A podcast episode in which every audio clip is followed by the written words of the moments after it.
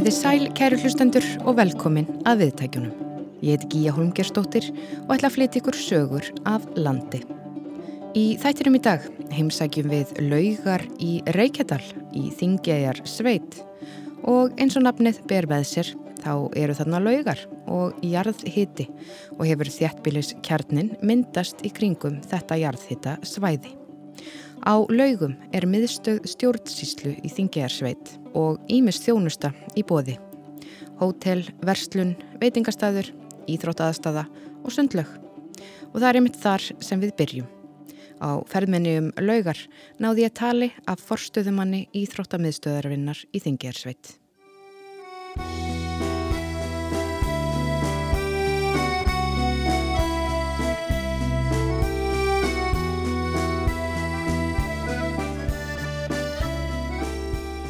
Ég heiti Magnús Már Þorvaldsson og ég er fórstuðum aðeins fyrir Íþróttamiðstöðuna í Þingaðsveit. Og hvað svona er það sem þú gerir í, í, sem fórstuðum aður hér? Nú, ég vil eitthvað bara helst því neitt.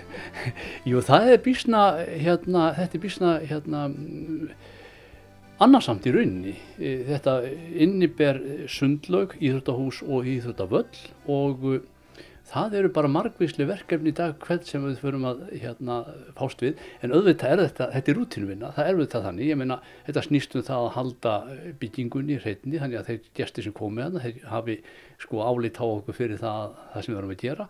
Og síðan þetta viðmót við gestin, þjónustan, þannig að það er þetta sem að, og ég set þetta ég vil að ég, sem orðað þannig, ég set ákveðin stílirði og ég vil að starfsmenni fylgi þeim. Ég er sjálfur svona smámunarsamur í gerðminni og ég held að komi sér átjæðlega þegar að hérna upp í staðið Gagbart viðstæðavinnum, hann, hann verður ástýnja, þess ástýnja að, að það eru góður hlutur að gera þarna og mér finnst það skipta bæði mig og starfsfólki mitt miklu máli. Já.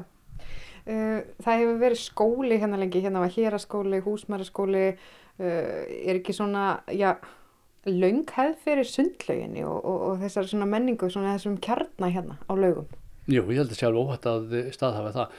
Ég man eftir því sjálfur þegar ég var að koma í sundhingað sko fyrir marglöngu síðan, einhvern tíman sko á liðinni öll, að þá var sundlaugin í kjallara hérna gamlu byggingar skólans og, og hérna allt annars eðlis heldur en þessi sem við njótu núna sem var byggð 2005 eða byggð þá og hefur verið geysilega vinsæl, hún er fjölsótt af fólkjóðlum en bara umliðina helgi þá fengum við hingað þetta var talið í fleiri fleiri tugum per, per dag og, og, og nokkur hundruðum yfir helgina.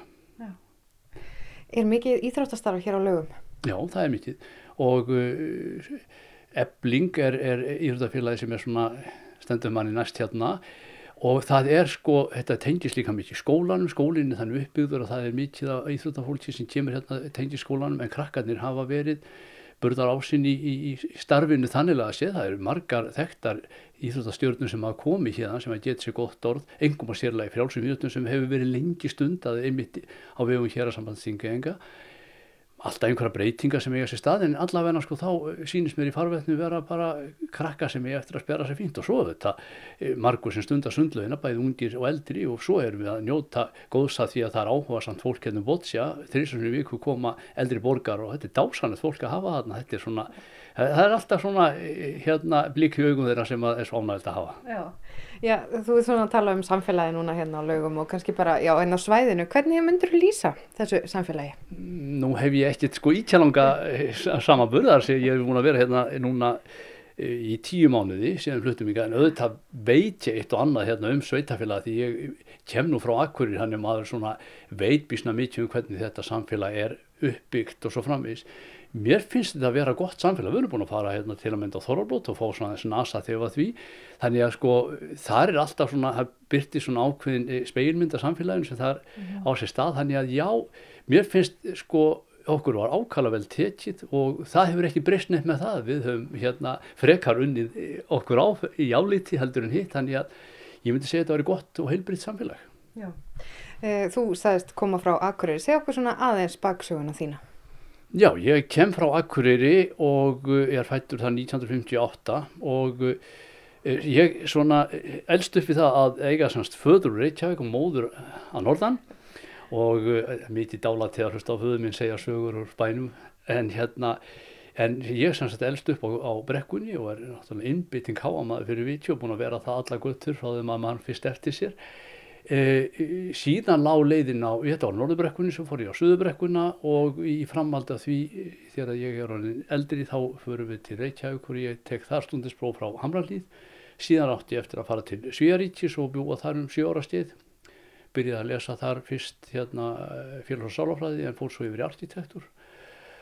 Og síðan kom, kem ég heim hérna, eftir nám þar og fer að vinna bæði sjálfstætt og á arkitekturstofum Akureyri meðan hans hjá Svan Erikssoni sem var alveg dásanlur karakter að vinna með og læriði gríðalega mikið á honum. Og svo hefur maður náttúrulega komið bara að alls konar störfum og hérna uh, sem að sagt, sko, það er einhvern veginn þannig að, að lífið leikuma þannig að þú veist ekkit hvað býður handan horts og það er ímis verkefni sem maður fekk í hendina sem maður hafði ekkit búið sér sérstaklega undir eða menta sér til en, en tókst ávið og, og hérna þegar maður horfið svo í baksinni speilin og sér það að það var nú eitt og annað sem maður gerði þó minnst sem að stýrur ímislegt eftir sér ekki bara fyrir mig persónulega heldur fyrir samfélagin og svo geta mér náttúrulega deilt um það hvort að það var til góðs eða slems og ég get til að mynda að vísa til halvu árana sem urðu sex þegar ég var með halvu akkurir auk ímissa annara viðburða en auðvitað var ég ekki einn, það var hérna þjætt sveit að bæti mér, þannig að þetta var bara dásanlegu tími. En svo hefur nú komið að, já, svona annars konar utanumhaldi út af því að þú sagði við mig, mm, við heyrðum styrna í síma og, og þú hefur hann að haldið utanum svona íþróttaviðburði. Eh, sko ég hérna tengdist auðvitað káa þegar ég hérna er í stjórn Hanklandstilda káa og hérna við vorum þjætt skipu sveit sem þar voru í stjórn. Þetta voru á stórveldis árum Alfred Gíslasonar sem var náttúrulega alveg dásanlu tími. Þetta er, ég myndi segja að þetta væri einar einstakku tími bara í handbóltasögunni, það er svo stemning sem skapaðist þarna. Uh, við vorum sko þjætt uh, við myndum þjætt nett nokkri stráka sem að vorum það í stjórninu og höfum orðið vinni til lífstíða fyrir vitið Uh, hvernig við stóðum að þessu húsið smekkvöld upp í rjáur með Sigfús Arnar í, í hérna kynistörunum og við strákandi svona í kringum þetta. Þetta var bara eitthvað sem að, að hérna ég hef ekki upplifað og, og held ég bara við sjáum ekki aftur. Já við, vorum þarna. Síðan var ég að starfa líka fyrir hansmundeldina og kom þá að þessum mótum sem þá héttu en einn móti núna.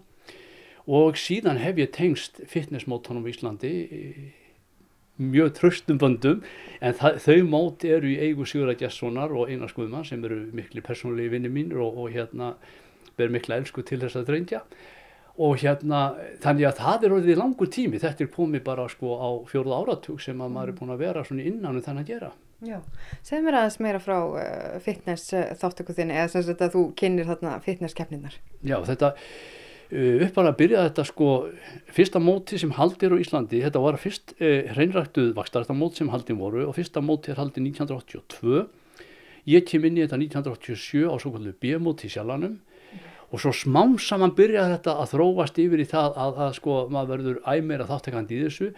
Við erum með fitnessmóti upp í höll það sem er bæði kæft á sviði og í þrautabraut. Síðan hefur, hefur það breyst frá því að þrautabrautin hún hverfur og þetta er einungis sviði gert og uh, það er kæft í, í, í, hérna, í ákveðnum kjemslokkum en þá má nefna það sem innskott í þessu sambandi að sömu strákar heldu utan um þregmeistarna sem við byrjum 2001 með og uh, það var semst, ég finnst sagt sem svo að í einhverju leiti forreinar í crossfit mm -hmm.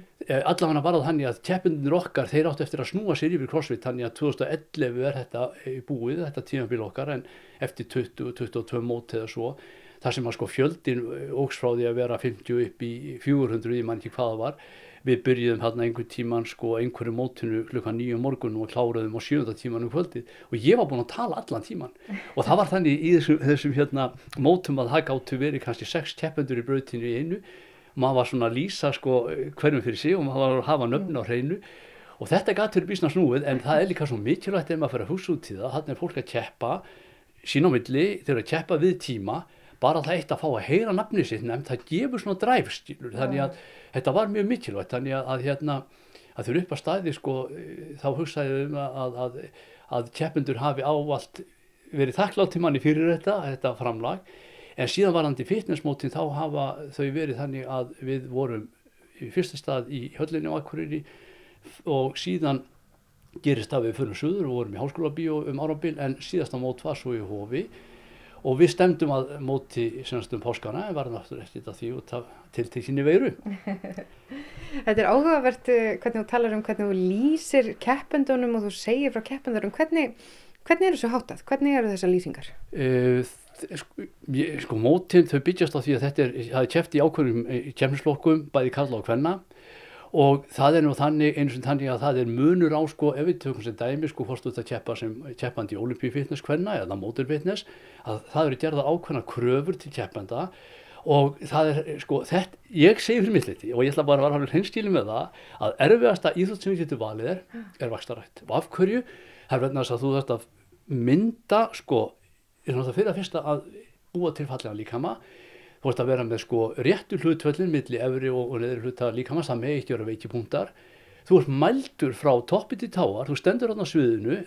Þetta er sko húr með nýju dómarar fram að þig, hundruði áhörenda mm -hmm. að koma það fram bara það fyrir, fyrir að fyrsta sko sigurinn að stíga á sviðið, síðan að, að, að vera góður á sviðinu taka snúningana þegar það teknar ákveðna stildustöðu sem það sína, það sem það sína líkamaðinn og ég hérna en hverjum aftur að, að til að mynda byrjum við hérna samanburð á, á móturfitness og, og, og, og olimpíufitness hverna að þá er það stúlkan sem keppir í olimpíufitness hún er steltari heldur en það sem er í móturfitness það eru nær því að vera stúlku sem öndu eiga eh, kannski bara sæti í Ungfrún Norrlandi eða eitthvað svo leiðis eða, eða Ungfrún Ísland þær eru vel skapaðir, þær eru ekki ofáðastæltar, þær bera sig vel og, og það er það sem að skipti miklu máli, hvernig þú vil líka berði á sviðinu, því það sem þú ætti að gera þú ert að, að senda ákveðin stílabót til dómarans mm. eða áhörnanda og þetta getur skipt svo miklu máli, þannig að þú mátt ekki vera, þú mátt ekki falla inn á við og vera, vera að bera þig vel, þannig að þetta er sko, þetta er, þetta er mikið list og en sko fyrir þá sem kannski hafa ekki áhuga á þessu, þeim finnst þetta kannski vera hér gómi,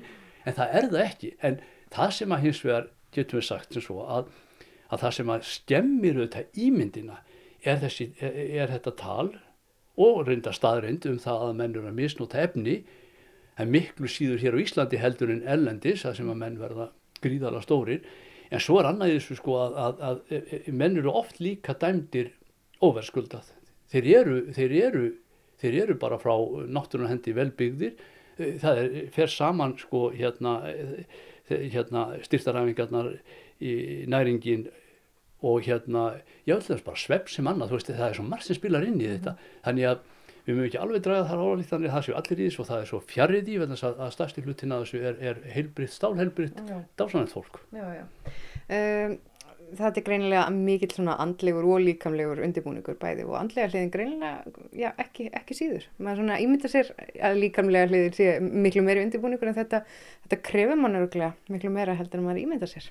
Það er á á þeir leikur engjum afi mm. og það er sko ég sé fyrir milliti sko þegar ég er að kynna mótin þá hef ég sagt, sko það er ávalt hann sko fyrir hvert einasta móti eins og eru mörg þá undýpjum við alltaf eins og þessi fyrsta móti sem ég er að taka þátt í e, sagt, það er það sem ég byrð alltaf áhændur um að, að sína sagt, þeim virðingu sem að er að keppa suðinu þeir eru aðalt mót hana og uh, bara sko þessi nærgetn þetta stiftir svo miklu máli auðvitað fólk í misgóðu ástandi þegar það kemur á sviði sumur kannski bara aðeins að prófa sig mm -hmm. hafa kannski verið fljóttir á sig að taka ákveðinu að vera með en þeir eru konur á sviðið og það verður alltaf að verða já ég myndi segja það sko að þessi andlið þáttur hann er gríðarlega mikilvægur, einmitt líka að fara fyrir þess að sætja að þú ert nánast nakin á sviðinu. Það er bara lítil stíla sem stílur á milli. Þannig að það þarf aldrei mikið svona, e, e, hvað maður segja, bara andlega styrkt til þess að takast á við þetta og það er náttúrulega eins með stúrkvöldna sem eru þá í klata bíkinni. Mm -hmm.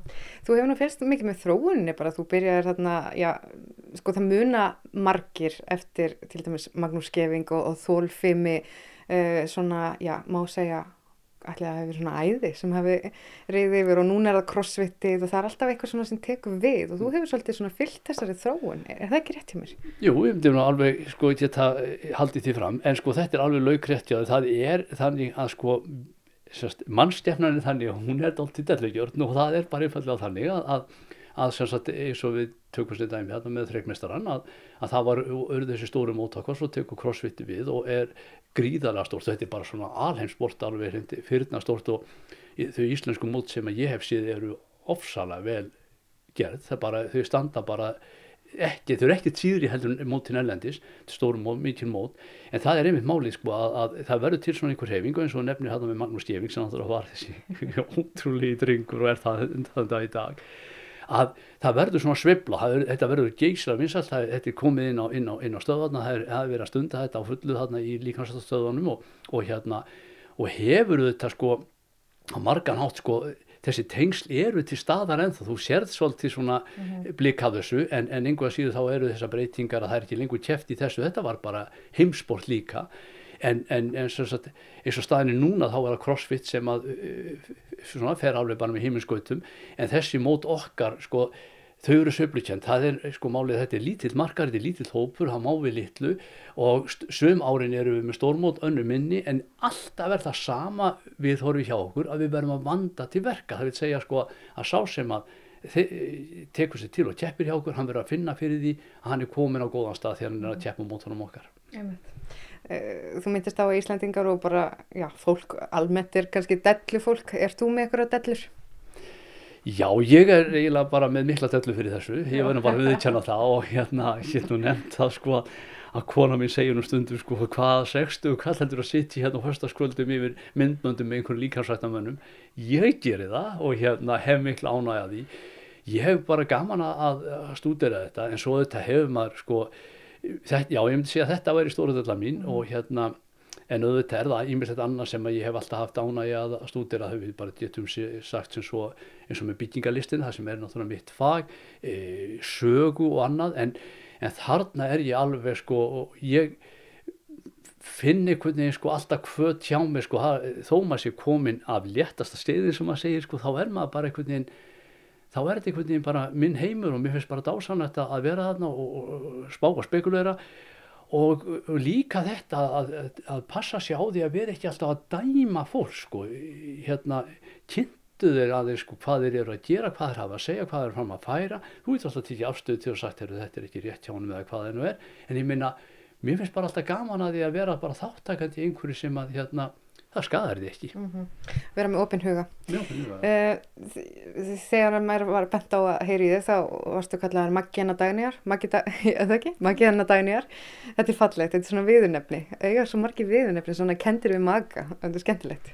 Mér finnst það dásanlegt ég, hérna, e, sko, ég myndi halda að þetta hafi verið sko, á, til að mynda á minni stöðun þá var það þannig að sko, stórluti kallana voru sjómenn í landi og þeir voru gætna kendir við konuna sína að það voru þær sem var alltaf staðar, þeir komum bara við og við og hérna heilsuðu fór konun á böndu sín og svo framvegs og svo voru þeir horfið til hafsáni en, en ég ámjöfst það líka alveg æðislegt. En ég má til með að nefna það við því að, að, að í þessu sambandi öllu saman að, í þessu kynnistörum þá var ég líka að kynna hérna umhverjum Norrland og það kom til út af því að, að Sigur Gesson sem er nú annar eiganda þessara móta hann var líka tengdur þessu hann er að maður fór inn á þann gera líka og, og hérna þú veist þá er maður aftur komin inn á, inn á svið það sem að einhvern myndi segja sem svo að þetta er þetta er humbúku eða þetta er eitthvað sem að á ekki eiga sér stað. En ég minna það er alltaf þetta afstæðan til hlutana og, og, og svo þegar þessar stúlkur sem maður kynist þetta eru svo, svo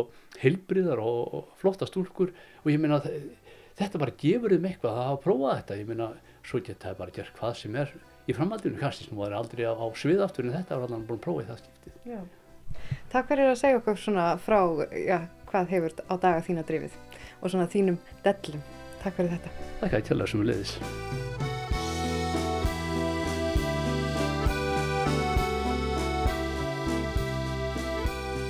Þarna heyrðu við í Magnúsi Má Þorvaldsinni, forstöðumanni Íþróttamiðstöðarinnar á laugum í Þingjæðarsveit. En Íþrótta aðstada er nátengt miklu skólahaldi á svæðinu. En á laugum eru starrakt þrjú skólastig. Þar er leikskóli, grunnskóli og síðan framhaldsskólin á laugum. Framhaldsskólin á sér langa sögu sem rekja má til hinnar svokalluðu þingesku menningarbildingar. Þarna hefur verið alþýðuskóli, héraskóli, húsmaðuraskóli og nú loks framhaldsskólin á laugum.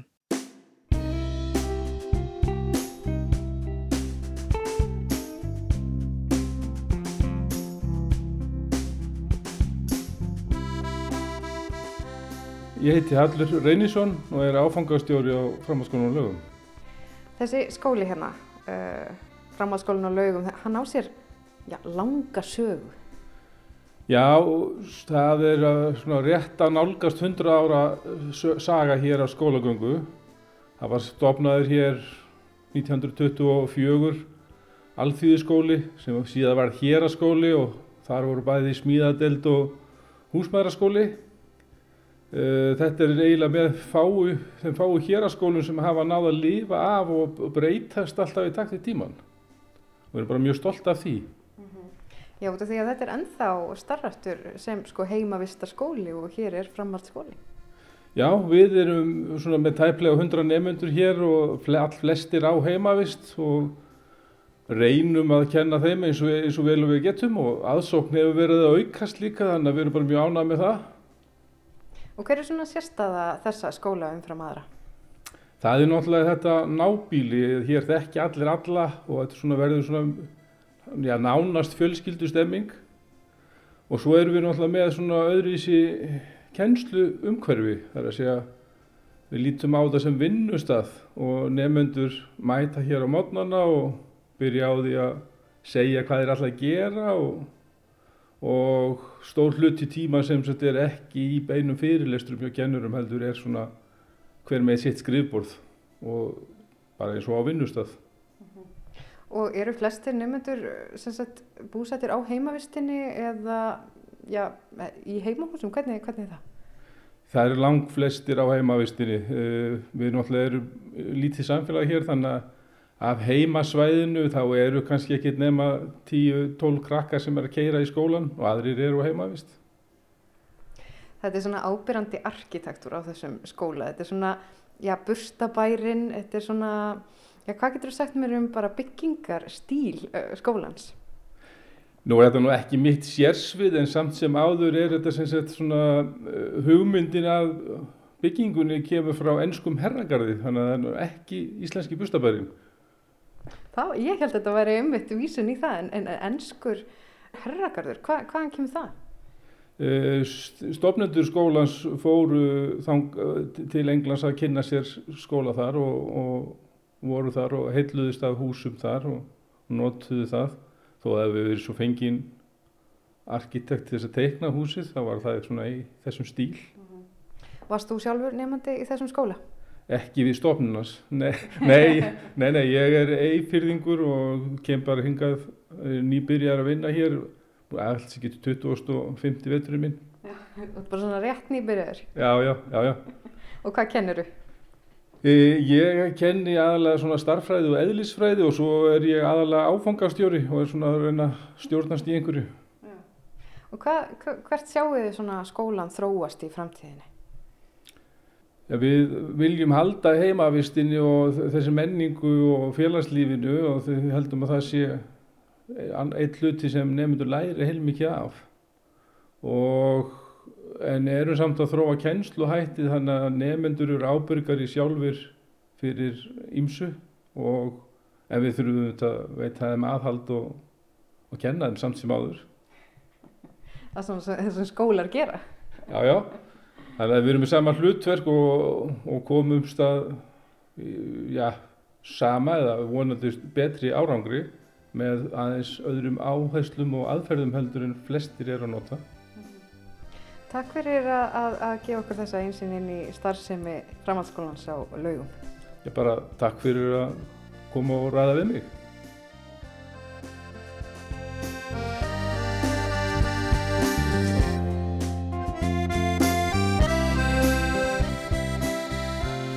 Þarna var rætt við Hall B. Reynisson, aðstóðar skólastjóra á framhaldsskólanum á laugum. Eins og framkom þá var á laugum einnig starræktur húsmaðra skóli en þingeskar konur þurft að berjast ötulega fyrir stopnun hans. Við heyrum núna einslag frá árinu 2012 sem Guðrún Sætís Harðardóttir gerði en þar rekur hún sögu húsmaðraskólans á laugum og í einslæginu ræðir Guðrún við aðalbjörgu Pálsdóttur.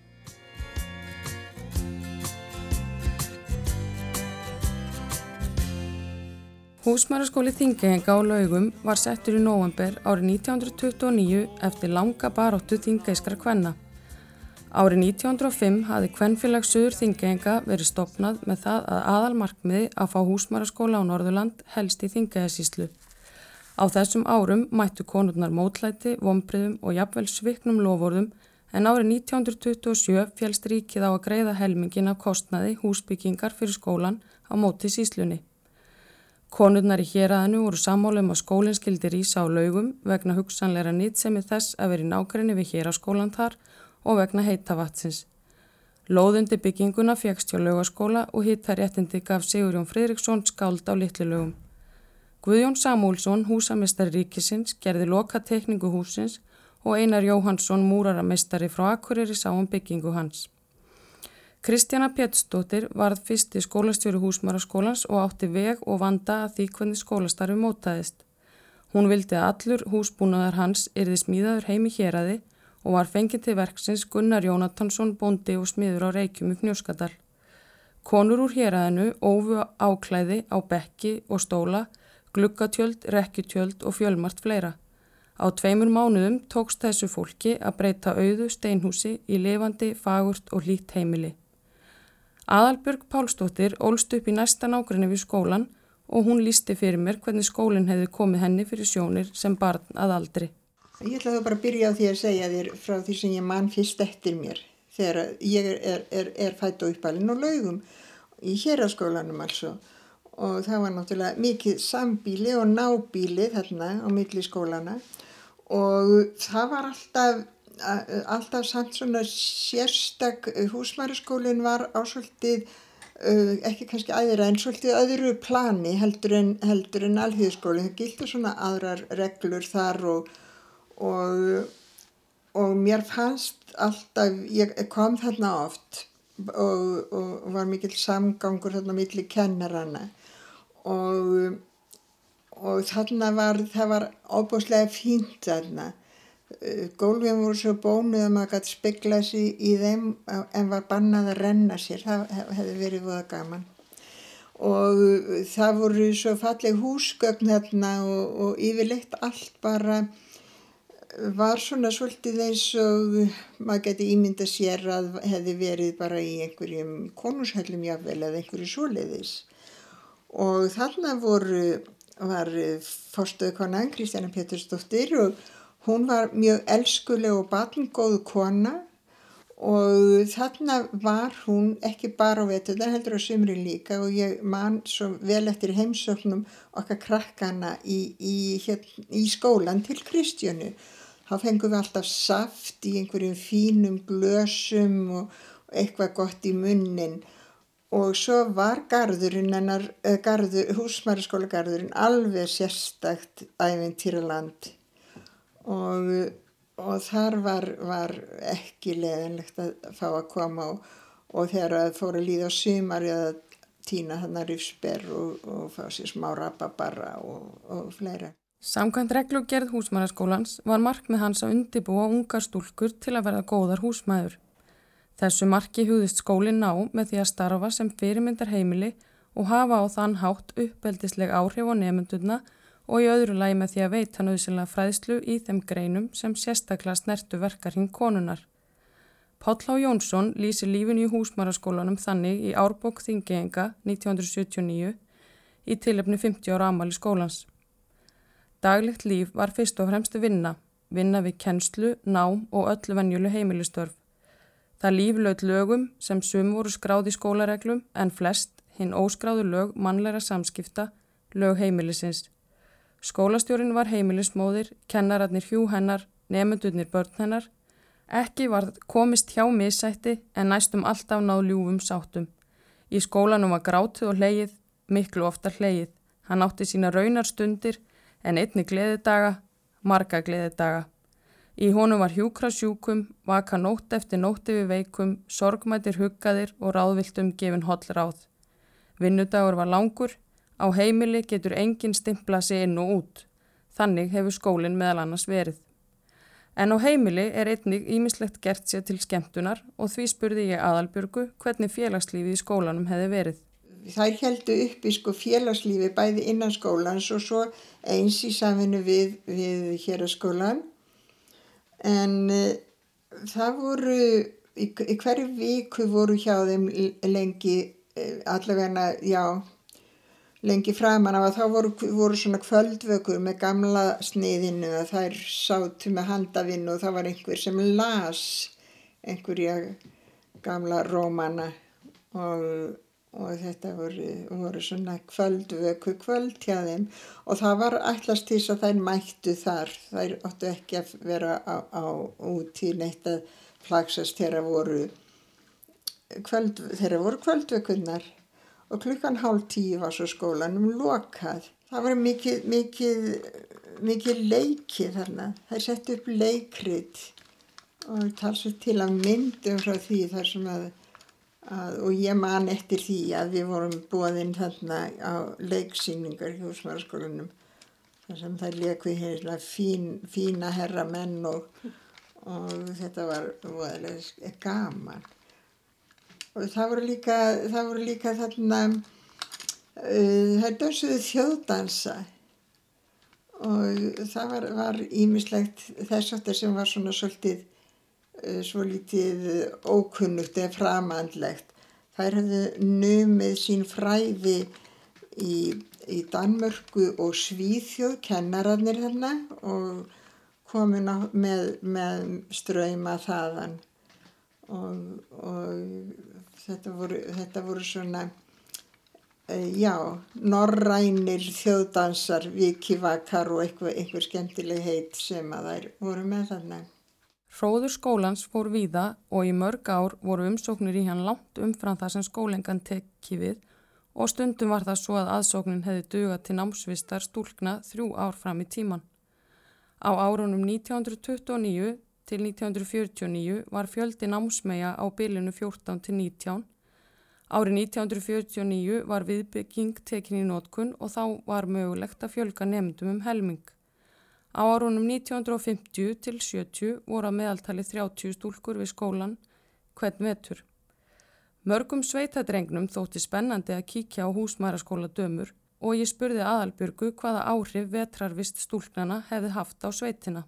Það var mikill fengu fyrir sveitina og nær sveitina er að allar þessar stúrkur sem komu hérna og þaðan af landinu uh, það og, og ungu mennirnir í sveitunum voru duglegir að fara og, og líta á, á hérna húsmærskóla stúrkurnar og, og það var, var, voru margar sem að ílengdust bæði hér í þessum dal og eins í nærsveitum og, og Húsavík. Komi, komi það, var, það var mjög heppilegt fyrir eh, íbúana í sveitinni altså Karlkins íbúana að það var starfandi kallakór og, og fæði minn sem var stjórnandi kórsins hann hafði æfingar heima í Kvítafelli í húsinu þar sem þau bygguð Þannig að einu sinni í viku var öllum kallmönnu sveitarinn að sapna saman hana og þeir náttúrulega fóru fram hjá húsmarskólanum, voru nú sumir, sko mættu nú ekki alveg á réttum tíma á söngavinganar, það skal nú alveg viðkent að og ég man eftir ég, pappi var stundum orðin hóf argur yfir því að þeir kæm ekki strákanir, þá voru, komið þeir ekki fyrir að búið var að læsa húsmarskólanum og loka stúlkunar inni en það, var, það var, voru margar sóma konur sem að settu stað hérna og, og var, var náttúrulega bara mjög gott. Og alveg frá upphafi ég veit það að þetta var ekki bara, já þetta var alveg frá því að skólinn hófst sem að sem að urðu hér eftir stúlkur og urðu húsmaður hér í síslunni. Um 1970 rann blómaskeið húsmaraskólana sitt skeið og aðsóknað skólanum snar minkaði.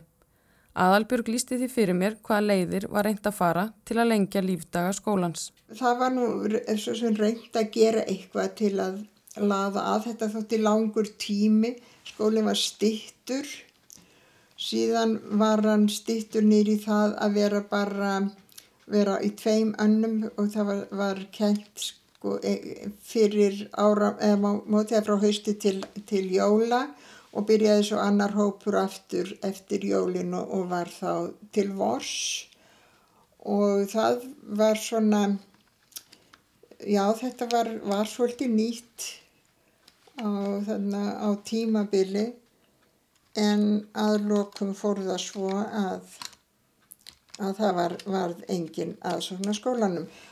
Þá var, voru í nokkur ár, voru höfð, var kent bara í námskeiðformi frá því að vera eitt, tvö, eitt, eitt kvöld og upp í það að vera kannski viku, tvekja vikna námskeið í til dæmis vefnaði og, og það var, var talsveit notað en svo þraut það líka. Á einhverju árabili þá var, var þetta samnýtt með, með hérna, hér á skólam á laugur sem var þá að komin með framhaldsdeildir, það var ekki orðið mentarskóli þá eða nútskrifaði ekki stúdent en hafa með tvö ári í, í framhaldi. Og þá átti að vera þarna ferðarþjónustubraut og það var þetta, það, það var eina, tvo, þrjá vetur eða kannski meir ég maður ekki alveg og en svo lognaðist það út af líka og að lokum þá var var skólanum slitið í síðasta sinn. Það var árið 1986 sem húsmæraskólinn var lagðu niður sem slíkur og lauk þar með 56 ára sögu Óskabards þingeiskra baráttu kvenna. Minningu skólans og arfileið er haldið á lofti því húsnaði gamla húsmæraskólans varð eign kvennfélagssamband sögur þingeinga. Félagskonur þess hafa staði vörðum húsið og innan stokksmuni þess haldi merki skólans á lofti og hlutverki hans sem fyrirmyndar heimili í sveit. Ég ætla að ljúka þessara umfjöllun um húsmaraskóla þingeenga með vísu sem Ríkardur Jónsson samdi og setti á skál sem hann smíðaði og gaf skólanum. Kunna að vinna, vefa og spinna, vona sinna, kenna skil, unna hlinna, önnum sinna, annir grinna á starfsins hil.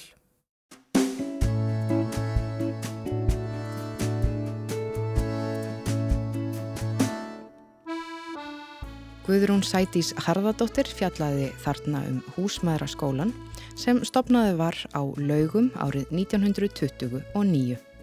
Guðrún rætti þar við aðalbjörgu Pálsdóttur og þetta einslag var áður á dagskrá í þættinum samfélagið í nærmynd árið 2012.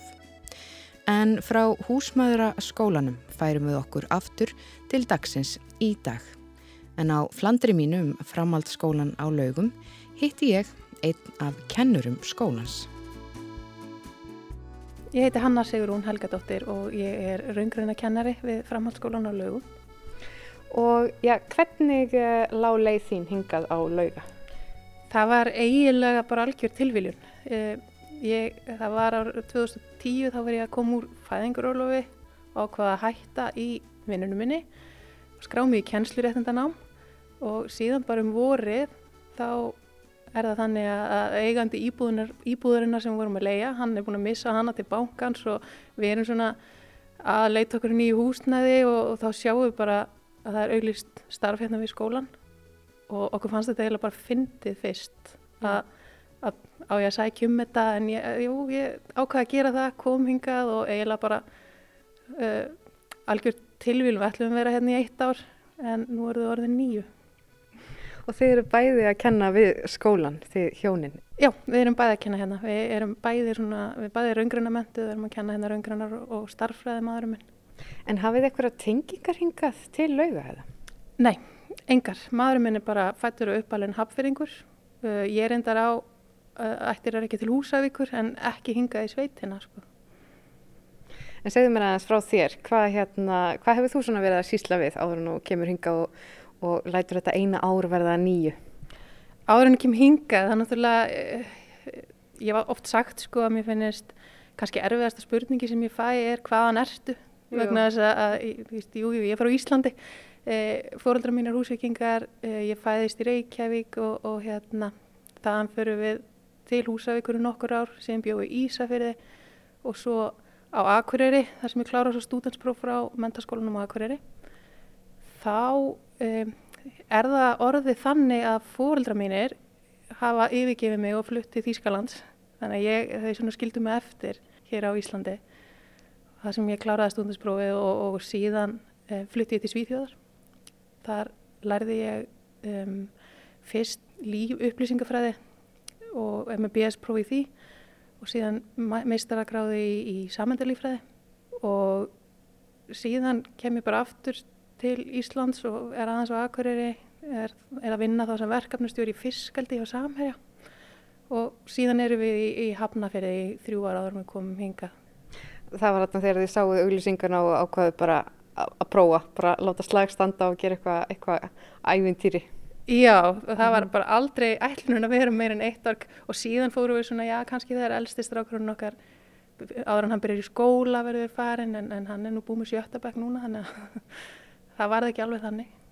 En hvernig er svona samfélagið á laugum svona fyrir ykkur sem að komi algjörlega ný inn? Það er bara ótrúlega vel tekið á mótimanni. Ég held að sé kannski það að það er hver einstaklingu svo mikilvægur að manni finnst strax eins og maður er heima hérna og maður er einhvern veginn sjanghæjaður í allt og, og brjála að gera hjá manni þó, þó maður kannski haldi að sé ekki mikið í bóði mm. þá tekum maður bara meira þátt í öllu sem er í bóði og það verður miklu meira að gera heldur en þegar maður var í þjættbílinu hjá okkur mm. þannig að þetta er bara dásamlegt samfélag myndi ég segja og það er alveg tölvört að fólki svona á okkar aldrei sem er einmitt líka ekki hérðan þannig að við höldum kannski svolítið hópin meðan allir er að eiga svona stórfjölskyldur eða annað hérna. En þú vinnur hérna við framhaldsskólan á laugum. Hver er svona, hvað finnst þér enginn að þennan skóla? Það er náttúrulega kannski að sama með samfélagi. Það er þetta hver einstaklingur er svo mikilvægur, við erum ekki mörg, eh, nefnendur eru fáir, starfsmenn eru fáir, þannig séð. Eh, við tengjumst nefnendum rosalega vel, við þekkjum þetta alltaf meira kannski heldur en í svona stórum skólum. Og svo erum við náttúrulega með þessu öðruvísin námsumhverju heldur en gengur að gerist. Það er ekki jafn mikið svona bundinni e, bundnum svona fagtímum heldur erum við að meira að vinna svona einstaklingsmiða með hverjum og einum á svona þeirra fórsendum svolítið. Mm. um, Nú eru svo margir að ætla að ferðast innanlands í, í, í sumar. Er eitthvað hér uh, í, á þessu svæði sem að þér finnst svona um, vera bara algjör að perlur? Það er náttúrulega uh, mývarsveitin öll eins og hún leggur sig, það eru náttúrulega endalösa perlur og svo náttúrulega góða fór sérna og bara hérna hinnum með hólinn, sem maður segir. Svo er bara dásanlegt að vera, hérna, það er mjög veðursælt á lögum og við höfum náttúrulega frábæra sundlug, alveg geggja að vera þar með börn sérstaklega Við erum með hérna lítinn sexóli golvöll, er ekki allir í golfi núna? Jú, við skilst það. Já, og það er bara ótrúlega gott að vera hérna, svona veiði og annað í bóði hérna. Ég, og svo er þetta næsti áfangarstæður sem ég ætla að fara á, það er Dalakofin. Hvernig, hvernig er að fara á Dalakofin? Eru bestu pítsur þar uh, eins og maður hefur heyrt? Algjörlega, ég get alveg mælt með þeim. Þannig að ég ætla að skella mér í Dalakofan. Takk fyrir að segja okkur aðeins frá þér og, og þínu starfi hérna við framhaldsskólinu á laugum. Takk sem er leiðis og verið þeirra góðir.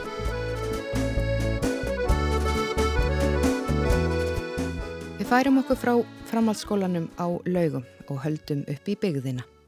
Þar við þjóðvegin er staður sem kallast Dalakofin þar sem Haraldur Bóasson og kona hans, Þóra Fríður Björstóttir, hafa byggt upp vinsælan veitingastað.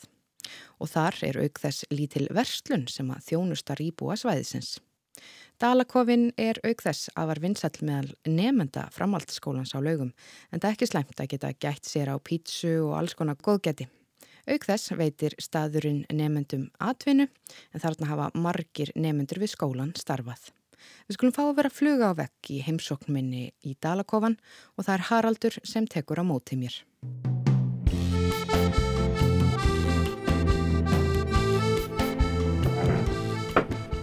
Ég mætti í Dalakofan, við finnst þetta mikill heiður að vera komin ykkar.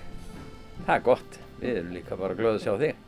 Um, sko, þú ert með kótilettur hérna í opninum, það er rauðkál, Þú gerir vist ansi góða kótilettur og þið. Hva, hvað er svona galdurinn við góðar kótilettur? Ég held að sé smjörið. Það er bara mikið að til að hafa mjög mikið smjör. Bæði steikjar upp úr smjöri og setja þær í opninu og hafa smjör bæði undir og ofna. En auðvitað það raspurinn að vera góður og þær þurfa líka að vera vel valdar, þykkar og, og svolítið feitar líka. Ég reyna alltaf að þegar ég er að panta þetta að þetta sé af réttari tegund eða hvað sé réttum gæðaflokki. Það sé sko ekki hórað, þannig að það sé svolítið fitta með. Þá verður kjötti miklu betra innan við. Getur þið sínt mér aðeins hérna staðinn? Við fyrir Já. bara í svona lappitúr. Já, já. Við skulum ganga þessu. Við erum hérna núna í kaffestofunni. Hér hefur við þessa dýrindis kjötsúpi í potti. Aldeilis ilmandi mm. soðin í gær. Já, hver er galdurinn með góða, góða kjötsúpu? Það er bara gott ráfni og mikið af grammiti, rófur, laukur, gulrætur, hvítkál og svo bara nóga kjöti. En þetta er alltaf spurningin um gott ráöfni. Já, ég held það. Nú erum við komin hérna í eldsið þar sem að pizzaofn er hér á hægri hönd. Já. Hér bökum við þessar dýrindis pizzur. Annálaði pizzur. Og er það ekki svona staðalfæði hérna nefnda í, í, í menta Ég myndi segja það. framhaldsskólanum minna? Ég myndi segja það, þetta sé staðalfæði. Eru þið nefnendur í, í, í framhaldsskólanum eða eru þið hérðan eða? Þið eruð að vinna hérna, má ég tröfla ykkur? Já. Hva, hvað heitir þú? Ég heiti Kristbjörg Heiður. Kristbjörg Heiður og þú? Ég heiti Kristina Freydís. Og þið eru bæ, báðar nefnendur í, í mentaskólanum? Já. Nei, framhaldsskólanum á laugum. Hvernig er svona að vera nefnandi þar? Mér finnst það æðislegt. Ég byrjaði í MA og ég er bara svo þúsund sinnum hamingju samar að hér eitthvað.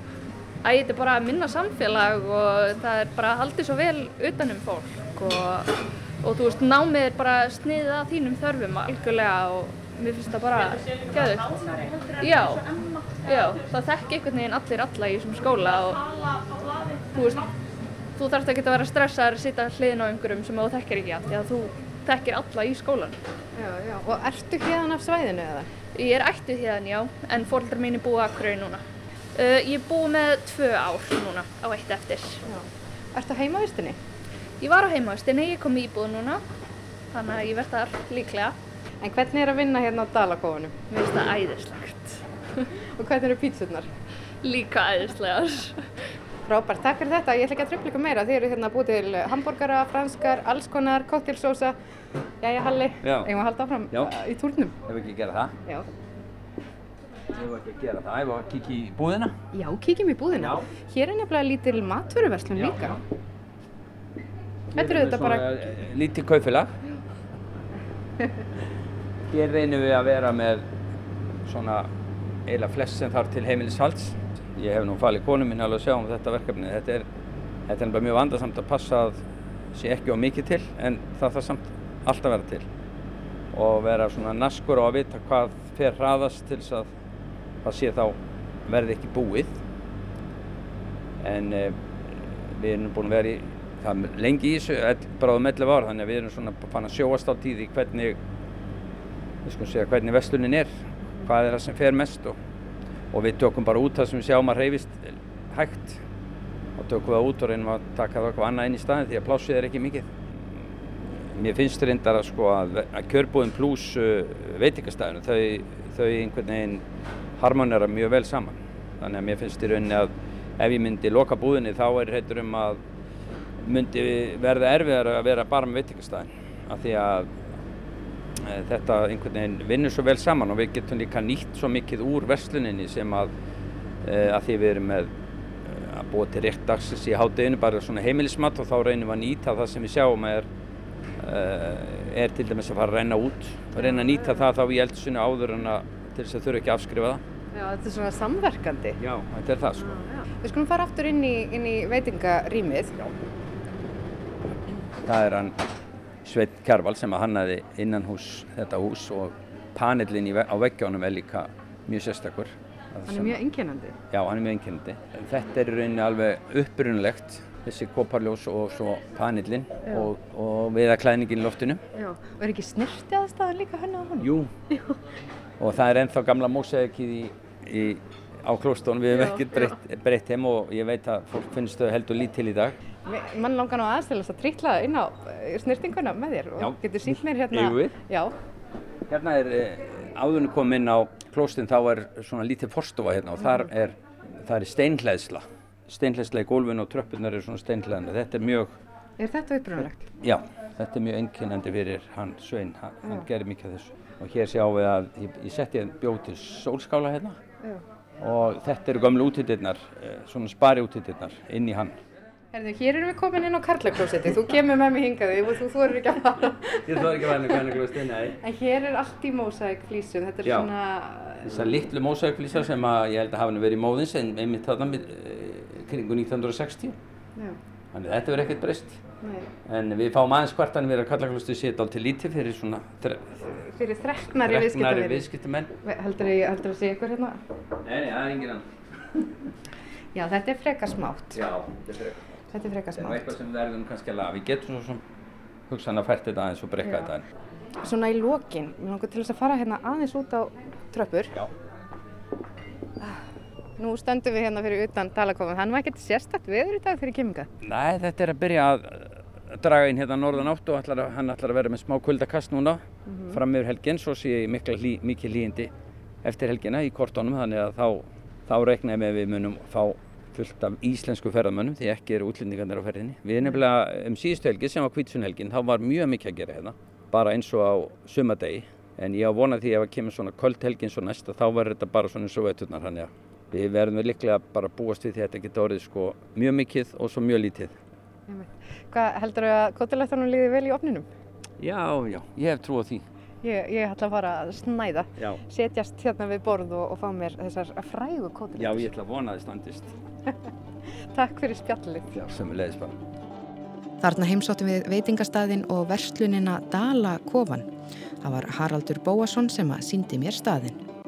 Í þættinum var einnig rætt við Magnús Má Þorvaldsson, Hall B. Reynisson og Hönnu Sigrúnu Helgadóttur, auk þess sem við heyrðum umfjöllun Guðrúnar Sætísar Harðardóttur um húsmaðuraskólan á laugum en þar rætti hún við aðalheiði Pálsdóttur. En þá er ferð okkar um laugar í Reykjadal lokið. Tæknimaður í þessum þætti var Jón Þór Helgason við þökkum þeim sem hlýtu lifið heil.